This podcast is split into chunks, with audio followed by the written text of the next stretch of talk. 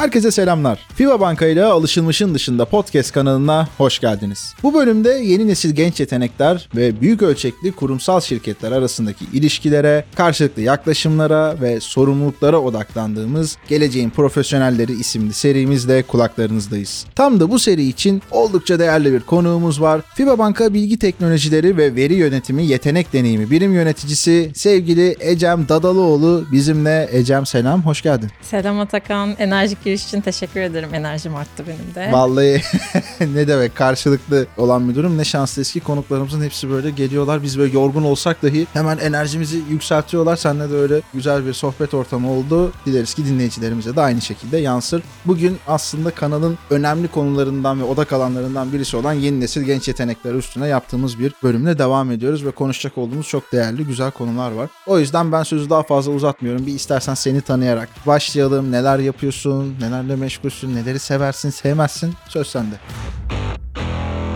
Yıldız Teknik Üniversitesi mezunuyum ben. 1990 doğumluyum. Siyaset Bilimi Uluslararası İlişkiler bölümünden mezun oldum Atakan. Son yıl İtalya'da Pisa Üniversitesi'nde siyaset ekonomisi alanında bir Erasmus yaptım. Mezun olduktan sonra da aslında ilk banka sektöründe başladım. Finans Bank'ta başlamıştım. 4 sene orada çalıştım. Aslında ilk ticari bankacılıkta başladım. Satıştan başladım. Bununla çok gurur duyuyorum İK'cı olarak söylemekten. Bir buçuk senenin sonunda insan kaynaklarına geçtim ve yaklaşık işte 10 yıldan beri de insan kaynaklarında çalışıyorum çalışıyorum. Yaptığım işi çok seviyorum. İnsan odaklı çalıştığım için. 3 yaşında bir oğlum var ve bir anne olarak yeni anneler bilir iş ve özel hayat dengesini sağlamak çok kolay değildir. FIBA Banka'da uzaktan çalıştığımız için özellikle bu dengeyi sağlama opsiyonlarımızın olduğundan ben de bir çalışan olarak aslında FIBA Bankalı olarak iş hayatına tutulmuş yeni bir anne olarak o yüzden öncelikle şirketime çok teşekkür ediyorum. Farklı bir şirkette olsaydım bence bunu çok kolay yönetemezdim diye düşünüyorum. Belki de iş hayatından çekilmiş bir Ecem olurdu karşınızda bilmiyorum. Bunun yanı sıra paten kayıyorum. Ben 30 yaşında paten kaymaya başladım. Çocukluğumda çok iyi bir paten kayardım. Sanki çok böyle çocukluktan gelmesi gereken bir alışkanlıkmış gibi ama demek ki öğrenilebiliyor. Süper. Aynen. Bisiklet gibi aslında dengeyi çok rahat sağlıyorsunuz. Tabii ben bir iki ders alıp düşmeyeyim hani ters bir şey olmasın diye de kendimi garantiye aldım ama devamına baktım çok da iyiyim yani hani beklediğimden iyi çıktım. Şimdi oğlum skuterla kayarken ben de patenle yanında kayıyorum. Dolayısıyla Caddebostan sahilde böyle bir dönem dönem gidiyoruz birlikte. Ne güzel keyifliymiş. Teşekkürler. Onun dışında voleybol oynamayı çok severim. Yüzmeyi severim. Vakit buldukça kitap okuyorum tabii. Genel olarak Ecem bu şekilde. Anladım süper. Yani söylediklerin hepsi çok güzel hoşuma gitti ama özellikle çok sevdiğim bir işte çalışıyor olmak ve ben bu işi gerçekten seviyorum diye dolu dolu karşı tarafa da yansıyan bir şekilde bunu söyleyebilmek bence çok değerli bir şey. Aslında bu kadar yeni nesil genç yetenekleri konuşuyor ve hem onlardan aslında bir şeyler anlamak için hem de bir şeyleri anlatmak için bu tarz içerikler üretiyor olmamızın bence altında yatan temel sebeplerden birisi bu. O yüzden hani bölümün başında demiştim ya bu seri için oldukça değerli ve uygun bir konuğumuz var diye tam da aslında burada nasıl meç ettiğini de görmüş olduk. Şimdi bugün yeni nesil genç yeteneklerin kariyer yolculuklarında faydalı olacak olan işte çeşitli önemli tüyoları konuşacağız. FIBA Banka'nın yeni nesil genç yeteneklere verdiği değeri ve sunduğu imkanları da detaylandıracağız. Bu yüzden ben aslında şununla başlamak istiyorum. İlk önce FIBA Banka'nın bu konulardaki bakış açısını, gençleri kurum içerisinde nasıl konumlandırdığını bir konuşarak başlayalım. Öncelikle aslında biz adayların işveren tercihi olduğunu biliyoruz ve bir yandan da müşteriler aslında ve müşteri tercihleri var. FIBA Banka'ya her iki açıdan da baktığımızda aslında gençlere ve teknoloji firması olma yolunda ilerleyen bir şirket olarak görmek çok mümkün. Bunu gençler artık anlıyorlar. Ve biz tabii gençlerle daha çok üniversite kulüpler aracılığıyla etkinliklerde bir araya gelip anlatıyoruz. Çoğunlukla işe alımlarda buradaki vizyonlarımızı anlatıyoruz. İşte vaka çalışmaları yapıyoruz ya da şirkete davet ediyoruz. Ekonomi finans sohbetlerinde yöneticilerimizle bir araya getiriyoruz. Ve tabii öğrencilerin ilgisini çeken taraf da aslında kendi müşteri algılarıyla tercihleri Nasıl ki şu an Türkiye'de şube ağı gitgide azalıyorsa bütün bankacılık dünyasında FIBA Banka'nın özellikle servis bankacılığı ya da işte açık bankacılık alanında yaptığı faaliyetleri de gördükçe daha çok kendi vizyonlarıyla, kendi değerleriyle de örtüştürüyorlar. Dolayısıyla aslında bizim yaptığımız projeleri anlatmamız bu vizyonu onlara geçirmek anlamında etkili. Ben de açıkçası kendi kendim de bir çalışanım. FIBA Banka'ya ilk girerken hiç şubeye giden biri değilim. Yani bütün kendi hesaplarımı da mobil üzerinden ilerleten bir müşteriyim mesela. Dolayısıyla kendi vizyonumla, kendi müşteri ihtiyaçlarımla da çalıştığım yerin vizyonun uymasını son derece önemserim. Gençlerde de bu algıyı çok görüyoruz. O yüzden ikisinin birleşmesi, meç olması bence çok kıymetli. Kesinlikle katılıyorum. Burada da diğer bölümlere bir atıfta bulunmak istiyorum. Özellikle inovasyon dünyasını konuştuğumuz bölümlerimizde de FIBA Banka'nın aslında teknoloji firması olmasıyla ilgili yani bir bankacılık faaliyetinin ötesinde bu alanda ne gibi faaliyetleri, çalışmaları olduğunu da detaylı bir şekilde dinledik. Özellikle Mustafa Ulus'ta olan bölüme kulak verebilirsiniz sevgili dinleyiciler diye ufak böyle bir hemen bölümler arası tanıtım yapmış olalım. Ek olarak bir de şunu söyleyebilirim. Genç yetenekler açık iletişimi çok seviyorlar. Mesela ben konuştuğum bütün genç yeteneklerimizle şunu duyuyorum. Özellikle bizim genel müdürümüz Ömer Bey belirli sürelerde town hall yapar. Bütün çalışanlarla bir araya gelir sorularını yanıtlar, vizyonumuzdan işte gündemden bahseder. Bunu çok fazla görmediklerini söylerler. Dolayısıyla şirketimize geldiğinde böyle bir ortamla karşılaşma koşullarına gidiyor. Ya da teknoloji ekibimizde iki haftada bir mutlaka IT genel müdür yardımcımız ve veri yönetimi genel müdür yardımcımız çalışanlarla bir araya gelir. Gündemden bahseder, bilgi yarışmaları yaparız. Aramıza yeni girenleri tanıtırız. Yani o uzaktan çalışmayı da bu yakın iletişimle aslında yakından çalışır gibi yürütüyoruz. Uzaktan çalışma konusunda zaten önce adımlarınız var. Diğer bölümlerde de yine geçti. O kısmı da buradan hatırlatmış olalım. Peki gençler için yürüttüğünüz ne gibi programlar var? Ne gibi çalışmalar var? Biraz oraları da detaylandıralım istersen. 2020 yılından beri Finturn Future Talent programımız var. 5 aylık bir staj programını kapsıyor. Aslında bu staj programı bir MT programı gibi düşünebilirsiniz. Yani düz bir staj programından çok daha fazlası. Kariyerin kodunu birlikte yazalım mottosuyla aslında yetenekleri geleceğin teknolojileriyle buluşturmayı amaçlıyoruz. Üçüncü sınıf, dördüncü sınıf ve yeni mezun genç yetenekleri davet ettiğimiz bir aslında program. Bu programda bu sene mesela 79 Finturn'ü aramızda 5 ay boyunca çalıştıracağız ve Temmuz'dan sonra programın başarıyla geçenleri kadroya alacağız. 79 stajyer çok büyük bir sayı. Teknoloji sektöründe gerçekten hani yine öncü olduğumuz programlardan bir tanesi diyebilirim. Hatta son sene başvurularımız 4000'e yaklaştı. Dolayısıyla iki buçuk kat geçtiğimiz seneye göre başvuruları da arttırdık. Yani gençlerin ilgisi gitgide de bu alanda artıyor. Tabii bu program daha çok teknoloji okur yazarlığı olan, teknolojiye ilgisi olan yani yazılımcı, analist ya da işte iş birimlerinde analitik ekiplerde çalışacak profilleri kapsıyor. Ve tabii bu programı diğerlerinden ayrıştıran pek çok özelliği de var. Onu da sen sorduğun zaman belki sormak istersen O zaman yanıtlarım. hemen soralım. Buradaki biz genelde böyle girişimlere falan da sorarız. Yine bu kanal içerisinde diğer kanallarımızda da var. Genelde diyoruz ki seni diğer girişimlerden ayıran benzersiz değer öneri nedir? diye böyle yatırımcıların falan da en sormayı sevdiği sorulardır. Ben de dinleyicilerden buradaki programa başvuracak kişilerin tarafına geçip sana bu soruyu sormuş olayım. Teşekkür ederim. İlk önce aslında bizim uzaktan çalışmamız gençlerin tam da istediği bir şey olduğu için çok bu programı cezbediyor. Ama uzaktan dediğimiz şeyde de aslında gelişimlerini biz çok yakından takip ediyoruz bu programda. Hani tek tek etkinlikleri takip ediyoruz. Genel olarak aslında vizyon anlamında baktığımızda bu programın eğitim ve gelişiminin yanı sıra bizim takibimizin de dışında gelişen ve onlara fırsat sunduğumuz pek çok imkan var. Şimdi biraz onları size açmak istiyorum. Özellikle şirket içerisinde isteğe bağlı çalışma grupları oluşturuyoruz ama bu kişiden geliyor, daha organik geliyor. Örnek veriyorum bir Finturn quantum computing konusunda şu anda çalışabiliyor. Oradaki bir departmandan gelen taleple mi oluyor bu yoksa Finturn'un isteğiyle mi? Şöyle düşün bir yöneticimiz diyor ki ben quantum computing konusunda use case'leri araştıracağım, benchmark Hı hı. yapacağım ve bu alanda bir çalışma yürütmek istiyorum. Takımıma gelmek isteyenler var mı? Finturn'ler bu takımlara girebiliyorlar. Hatta bir Finturn'ümüzden mesela şöyle bir not almıştık. Biz niyet mektubu alıyoruz aslında başvurmak isteyenlerden akademik alanda bu alan üzerine çalışmak istemiş mesela bu teknoloji teması üzerine ama FIBA Banka'da böyle bir çalışma grubu olduğunu görünce de çok sevindim diyor. Yani ciddi anlamda FIBA Banka'da kalmasını etkileyen bir unsur. Kendini gerçekten hani bu generative AI konusu da olabilir, HR tech konusu olabilir. Yani pek çok teknoloji temasında çalışma gruplarına bile finternlerimiz girebiliyorlar, kendilerini geliştirebiliyorlar ve bu yolculuğun aslında sonu Silikon Vadisi'ne kadar uzanıyor. Yani biz bu çalışma gruplarının içerisinde IT GM'imizin de işte belirlediği isimlerle yani bu çalışmaların sonunda bir grup aslında Silikon Vadisi'ne gidecek. Dolayısıyla bizim finternlere insan kaynakları ve yöneticiler olarak sunduğumuzun da ötesinde kendi gelişimlerini, kendi yollarını açabilme imkanlarını tanımamız bence çok daha kıymetli olduğunu düşünüyorum. Diğer programlardan da en azından ayırdığını düşünüyorum.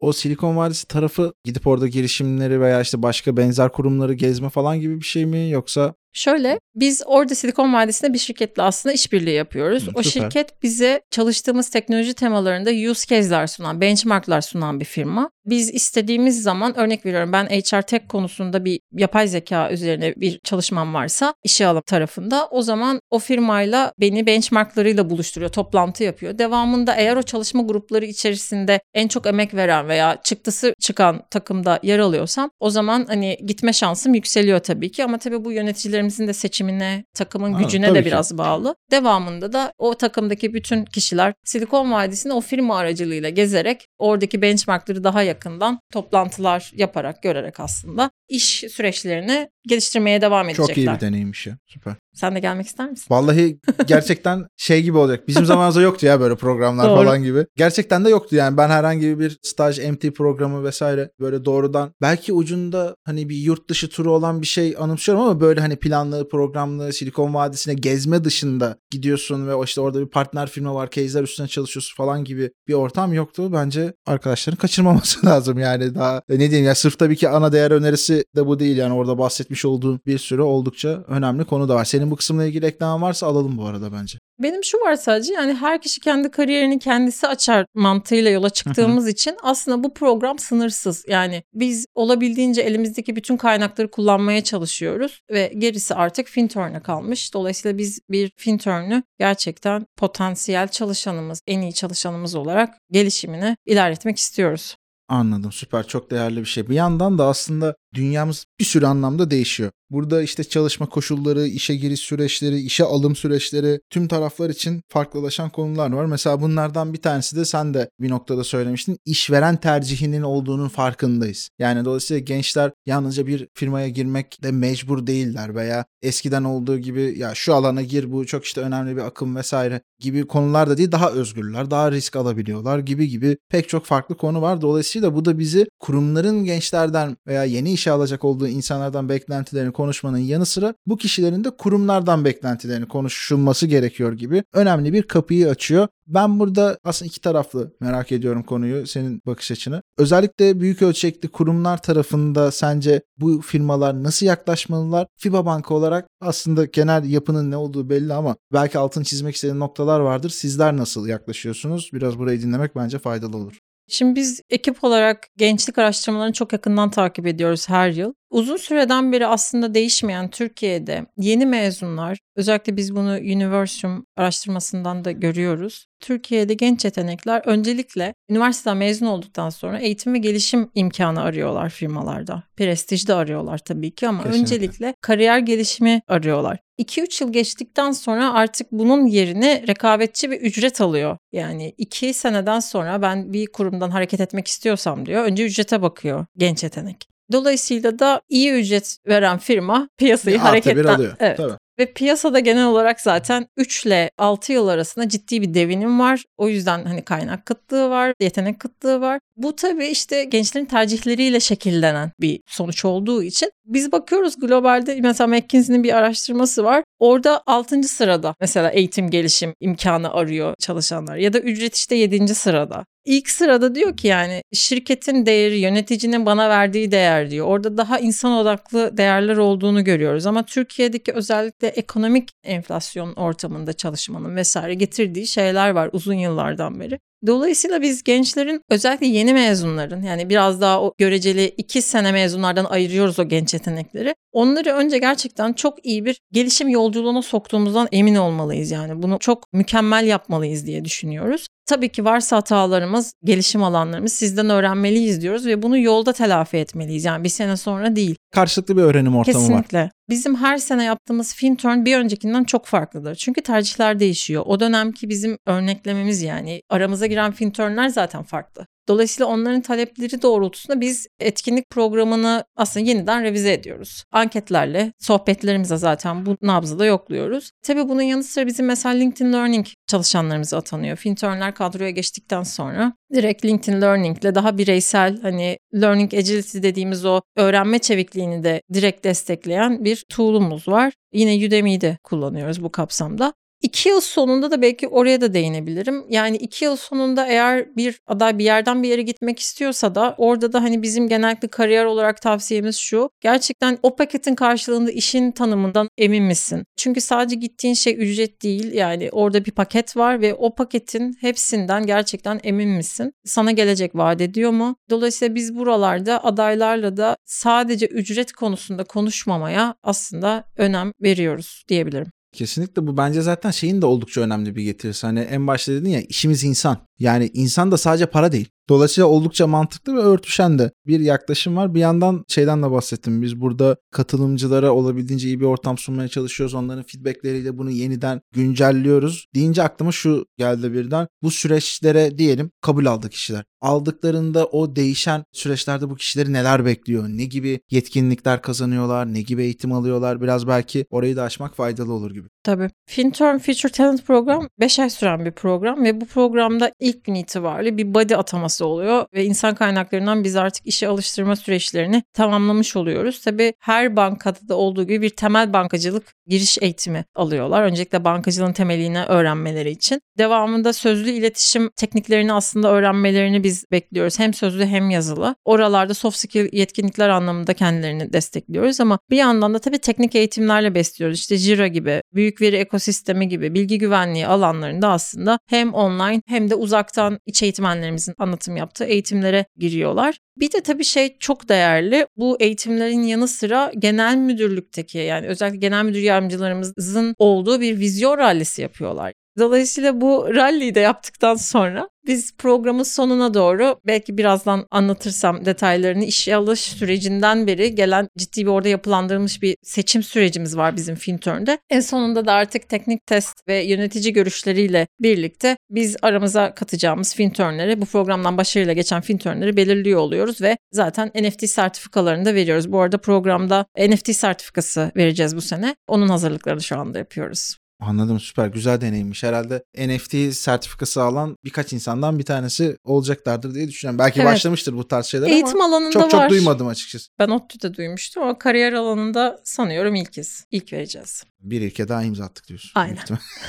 Tamam süper. Sadece şey minik bir parantez açmak istiyorum. Aslında bu kanal bile FIBA Banka'nın gençlere yapmış olduğu yatırımın önemli bir göstergesi. Çünkü podcast dünyasında çok önemli bir gerçekliğimiz var. 18 ila 32 yaş arasında Türkiye'deki genel ortalamalara baktığımız zaman %65 ila 75 arasında bir dinleyici kitlesi var. İşte geri kalan daha üst yaş gruplarında çok az bir kısmı da daha da aşağıya doğru dağılıyor. Dolayısıyla buradaki amaç da aslında yeni nesil genç yeteneklere ulaşabilmek, orada kulaklarda bir iz bırakabilmek ve buradaki var olan kültürü anlatabilmek ki kanalın en başında da zaten kültür denilince diye bir seriyle başlangıç yaptık ki buradaki kurumun kültürü çok daha iyi bir şekilde anlaşılsın. Bir diğer dikkat ettiğimiz konu da kanal özelinde ve mümkün olduğunca verilere, trendlere, işte en sonki yaklaşımlar neler bunlara yer vermek istiyoruz ki dinleyicilerimiz de buradan son durumlar, güncellemeler neler bunları güzel bir şekilde kapabilsin. Senin var mı bununla ilgili eklemek istediklerin? Geçtiğimiz günlerde bir araştırma okudum. Özellikle benim de İK'cı olarak kafa yorduğum bir konu bu. Gartner'ın bu yıl yaptığı bir araştırma var. Top 5 Priorities for HR Leaders araştırması ismi. Burada 5 öncelik belirliyor aslında. Şimdi bu 5 önceliğe bu sene 2 tane alan giriyor. Çalışan deneyimiyle işe alım girmiş. Bu 5 aslında önceliğin yani İK liderleri için 5 önceliği belirlerken de aslında araştırma şunu söylüyor. Ekonomideki enflasyon artışı buna etki etti diyor ve yeteneğe ulaşmadaki yüksek maliyetlerin buna sebep olduğunu söylüyor ve bir de son olarak yetenek kıtlığı diyor. Şimdi Türkiye'ye bakıyoruz. Özellikle TÜİK 2022 verilerine baktığınızda şunu görürsünüz. Ülkemizde üniversite mezunları ortalama 13 aydan önce aslında iş bulamıyor. Şimdi arada ciddi bir gap var ve biz burada bu gap'i kapatabilmek için işte insan kaynakları ciddi bir terazi rolü görüyor aslında. Yani teknoloji dünyasındaki bu yetenek kıtlığını iş bulamayan ama bir yandan da hani sistem yaratmak için projeler geliştiren insan kaynaklarını bir araya aldığımızda yöneticiler diyor ki aslında ya ben genç yeteneği aldığım zaman bunu bizim için söylemiyorum. Genel aslında sektörün dinamiği bu. İki seneden sonra gidecekse ben diyor genç yetenek o zaman yetiştirmem. Yetiştirdim gitti Ecem bak diyor mesela.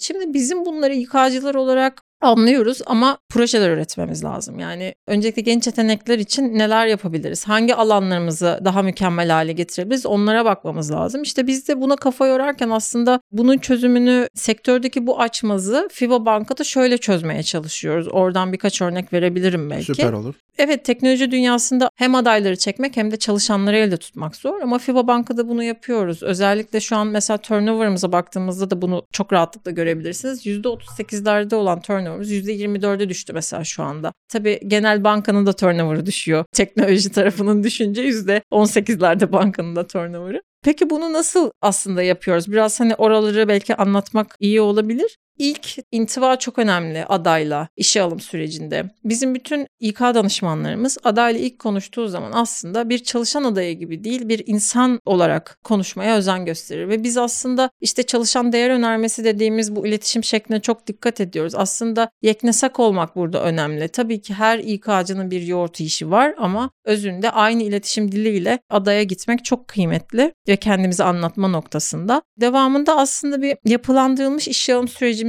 var. Yani aday bizim sürecimize girdiğinde şunu çok net görüyor. Bir yazılımcı rolündeyse bir teknik teste girer. Ya da analistse analiste teknik teste girer. Devamlı teknik mülakatını yapar. Ardından bir davranışsal yetkinlik envanterini tamamlar. Burada aslında World Economic Forum'da da hani her yıl geçer bu bilgiler. İşte soyut düşünme, eleştirel düşünme becerisi, kritik düşünme becerisi, kişilik envanterinin yanı sıra ölçülür. Ve dolayısıyla buradan çıkan skorlarla bizler hem adayların mülakat aslında bir skoru var, bir performansı var. Yani bu iş alım sürecindeki performansını ölçümlemiş oluyoruz. Devamında da aslında beklentisini alıyoruz. İşte ücreti o esnada artık konuşuyoruz. Ve eğer gerçekten mülakattan son derece başarıyla bu süreci geçmiş birisi ise gerçekten orada beklentisine çıkabilecek miyiz? Bunun müzakeresini yapıyoruz. Yani orada o teraziyi bu sefer kullanıyoruz. Bunun yanı sıra mesela iş alımlarımızda iş ilanını çıkarken yapay zeka keywordlerden teknik testleri hazırlıyor. Biz bunları yöneticilerimize mesela soruyoruz. Yani bu test doğru mu? Doğru ölçümler mi? Yönetici ona revize verip sonunda okeyledikten sonra da biz aslında ilanlarımıza entegre bir şekilde teknik testlerimizi çıkıyoruz. Bütün bunlar aslında işe alım sürecinde kıymetli. Ya da mesela ilan sürecinde bir adaydan bana LinkedIn'den yazmıştı. Dedi ki mesela what we offer kısmını neden eklemediniz demişti. Ben de Finturn'larda hep bekliyoruz. Hani aklıma gelmemişti. Yani bizim ekipte de onu düşünmemişiz. Hemen mesela ertesi gün ekip arkadaşım Ece öyle bir yazı yazarak what we offer kısmını ekledik. Yani adaylardan gelen böyle anlık feedbackleri de biz çok hızlı... Ya aslında o başvuru sürecinde bile revize yapabiliyorsunuz yani. Tabii tabii. O evet. aslında bayağı agile bir davranış yani. Tabii. Süper. Aynen öyle. Biz yapıyoruz bunları. Helal olsun Aynen vallahi yapıyoruz. iyiymiş. Devamında da aslında tabii işe alımının sonucunda da artık bir çalışan var. Çalışan deneyimi artık ortaya çıkıyor. Özellikle McKinsey araştırmasında da bunu söylüyor. Yani çalışan deneyimi yolculuğunuz diyor mükemmel olsun diyor. Biz de o yüzden işte bu vizyonla Finturn'lere diyoruz ki yani biz mükemmel bir aday deneyimi hazırladık ama takdir sizin. Daha da mükemmele nasıl gideriz Aynen. birlikte karar verelim aslında. Aynen. Ondan sonra da aslında oryantasyon süreci başlıyor. Burada tek söyleyeceğim farklı olan şey biz mesela şu an Teams'te yani Microsoft'la insan kaynakları olarak şunun üzerine çalışıyoruz. Normalde bilirsiniz insan kaynaklarında hoş geldin mailleri atılır manuel. Biz bunu yapmak istemiyoruz. İşimizi daha otomatize yapıp daha verimli süreçler üretmek istiyoruz İK'da. O yüzden dedik ki Teams'e aslında her kişi geldiğinde örnek veriyorum IT ekibinin grubuna giriyor. O zaman giriyorsa hemen onun bir chatbotla işte tanıtımını atalım. Otomatik. Kişi kendisi yazıyor ve artık otomatikman kendini tanıtır hale gelecek. Bu da bu ay hayata geçecek. Newcomers grubu gibi düşünün yani.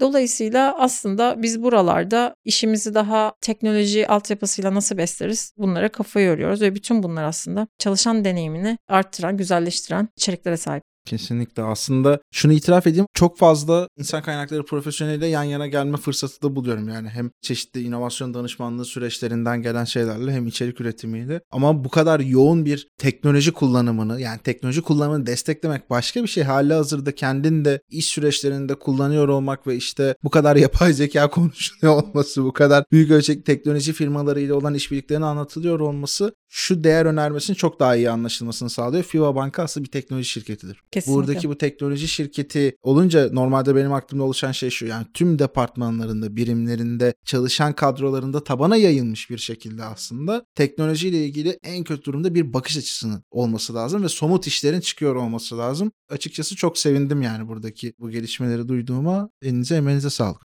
Çok teşekkür ederim. Ek olarak da şirketimizde şunu da belirtmem lazım. Data tazminatı uygulamamız artık var. Bu da Türkiye'de Nedir bir o? ilk. Şöyle biz IT ve veri yönetimi çalışanlarımız yani teknoloji ekip çalışanlarımız hariç her pozisyondaki çalışanımız için data okur yazarı olmasını aslında teşvik ediyoruz. Ben de dahil istatistik çalışarak data sınavına girdim mesela. Onun sonucunu bekliyorum. Umarım geçerim.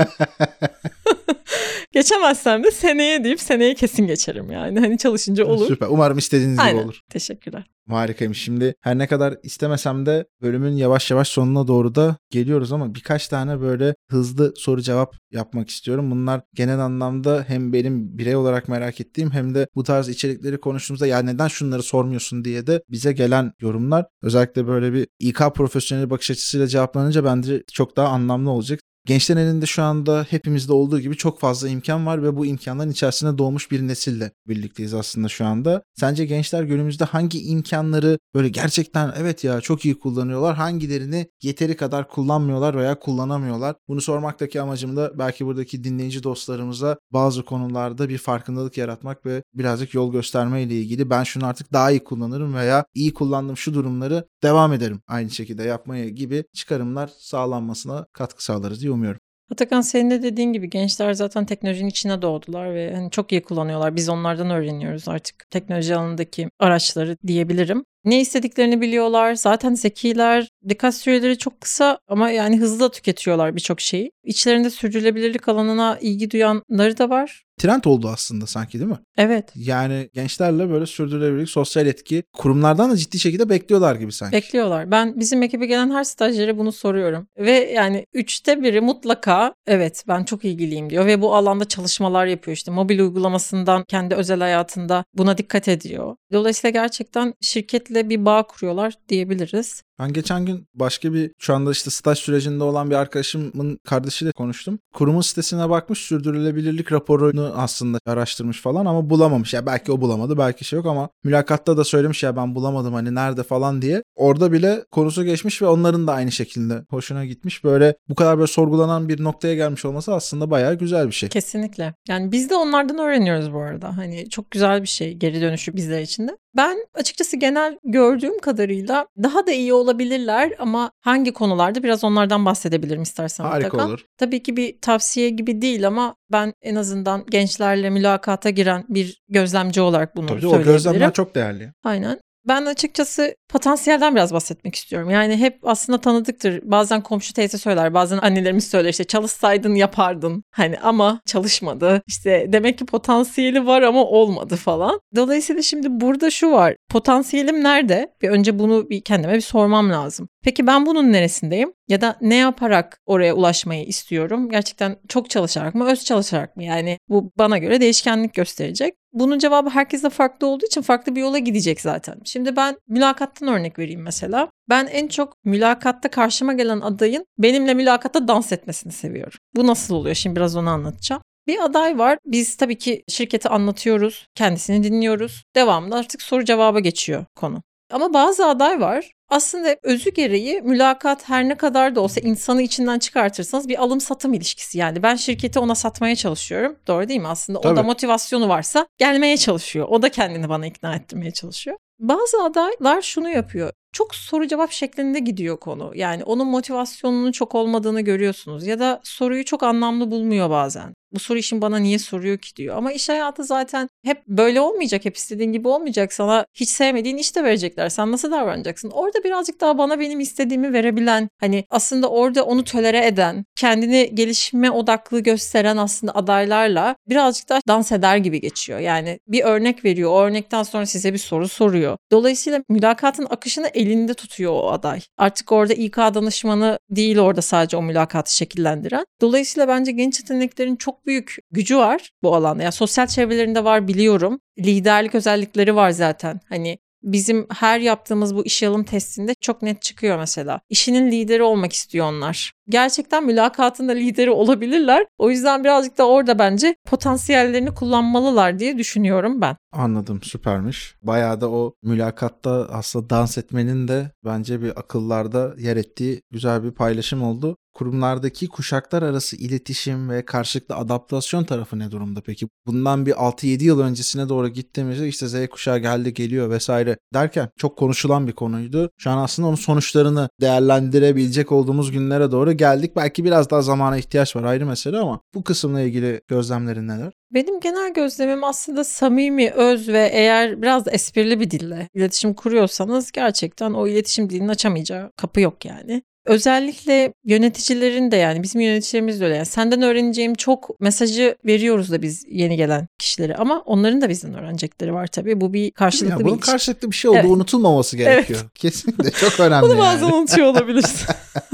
o yüzden hani tabii ki şeyi çok net anlam verebiliyorum. Yani işin lideri olma konusu çok kritik. Evet her yöneticinin mutlaka kendini iyi hissedebileceği bir işi bırakıp onun liderliğinde sürdürmesine öne yak olması gerekir. Bu konuda da açıkçası bizim yöneticilerimiz çok fazla genç yetenekle çalıştıkları için yani yıllardır zaten bu konuları artık çok daha rahat yürütüyorlar şirkette diyebilirim. O yüzden çok biz adaptasyon sorunuyla karşılaşmıyoruz. Hatta aksine deneyimli ayrılan birisinin yerine biz genç yetenek almayı işte Fintern alalım diye önerebiliyoruz artık. O konumdayız yani.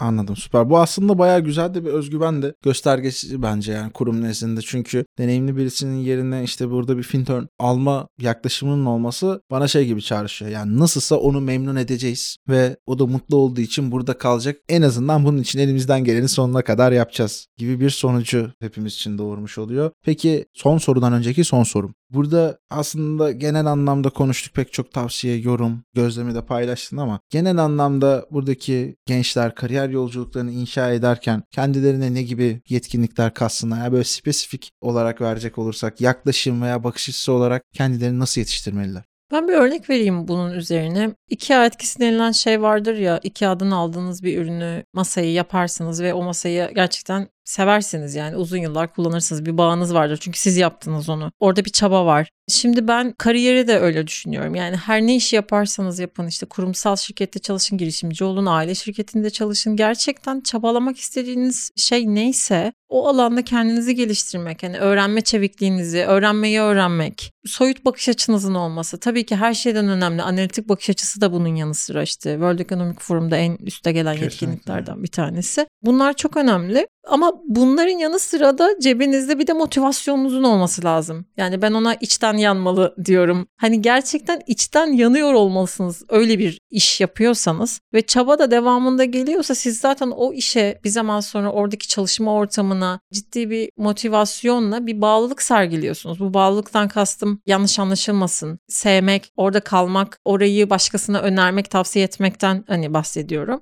Dolayısıyla da bu bağlılık kişinin aslında kariyerini açan bir etkisi var. Yani kariyerini geliştiriyor, potansiyelini aşmasını sağlıyor. Dolayısıyla her şeyin özünün ben önce bir çabadan başladığını, o çabayla birlikte de yetkinliklerini yani bilgisini, becerisini ve bunu davranışa döküyorsa da çabasıyla birlikte aslında sonuca götürebileceğini düşünüyorum. Aslında yani emek vermiş olduğun şeye sahip çıkmanın bir gerçekliği var. Bunu da yaratabilmek için de dediğim gibi o motivasyonu kendinde keşfedebilmek gerekiyor. Bir de hep konusu oluyor ya o motivasyonu nasıl keşfediyorsun? Düştüğünde nasıl kalkıyorsun falan böyle havalı sorular var. Ona da gelen çok da havalı böyle cevaplar var yani gerçekliği bence en azından Atakan olarak soru işaretli olan ama ağırlıklı olarak işte Instagram Reels'ta da insanı anlık saniyelik olarak motive eden Öyle paylaşımlar var. Bence kişilerin kendi içinde gerçekten keşfetmesi gereken, denenme yanılmaya oldukça önem vermesi gereken ve korkmadan adım atabilmesi gereken süreçler. Bunun için de ne mutlu ki işte burada FIBA Banka gibi şirketler var ve bu özgür alanı sağlayabiliyor. Burada insanlara ulaşmak için, tüm buradaki o yapısını anlatabilmek için emek veriyor. Bunlar bence çok değerli şeyler. O yüzden çok değerli şeyler anlattın. Bölümde su gibi de akıp gitti. Ağzına sağlık demek istiyorum. Tüm paylaşımlar için çok teşekkür ederiz. Seni bırakmadan önce de geleceğin profesyonelleri olacak olan buradaki yeni nesil genç yeteneklere ve aslında bütün dinleyicilerimize neler tavsiye edersin içerik olarak işte podcast, kitap, dizi, film, metodoloji, yaklaşım biraz kaynak önerisi alırsak senden süper olur.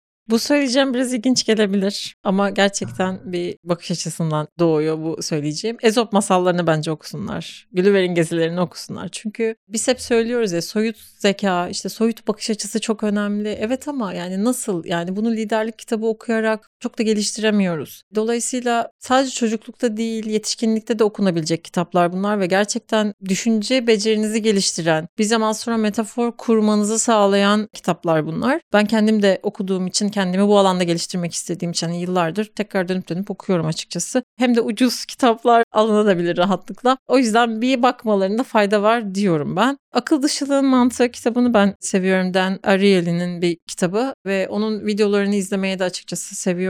Hani esprili bir dilde çok güzel saptamaları var. HBR yıllardır zaten çok çeşitli bilgi sunuyor bize. Özellikle öğrencilerin de bu anlamda takip ettiğini biliyorum. Çoğu öğrenci takip ediyor ama etmeyenler için bir alternatif olabilir. Podcast için zaten biz varız.